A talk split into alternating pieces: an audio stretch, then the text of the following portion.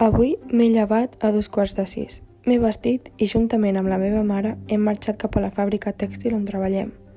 Durant les pròximes 12 hores estarem aquí fent fil. Avui, només arribar, ja hi havia moltíssima feina. Així que els nostres superiors ens han dit que ens donéssim pressa perquè avui havíem de tenir un cert treball fet al final del dia. Les tres primeres hores han sigut les més dures, ja que estava molt cansada i no tenia gaires forces. En arribar a les 9 hem fet un petit descans de 20 minuts per poder menjar alguna cosa o simplement per descansar. Jo he pogut menjar una peça de fruita, tenia tanta gana que me l'he menjat rapidíssim. He tornat a treballar amb una mica més de forces. Durant tot el dia, el treball ha sigut el mateix. Em feien molt mal les mans i estava angoixada perquè cada cop hi havia més feina. Després d'estar tot el dia treballant, ha arribat l'hora del descans per dinar. Tenim 50 minuts, tot i que no és gaire per tot el que treballem, s'agraeix molt. La meva mare i jo hem portat per dinar una patata bullida cadascuna i una mica de verdura.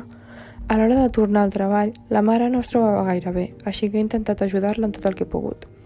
Encara ens queden unes 5 o 6 hores per acabar el dia i, desgraciadament, avui un taler s'ha espatllat i han ordenat a un nen de tan sols 8 anys que intentés arreglar-ho, amb la mala sort de que la màquina li ha tallat dos dits de la mà, nosaltres ja no ens sorprenem, ja que vivim situacions així diàriament. Per fi ha arribat l'hora d'anar a casa.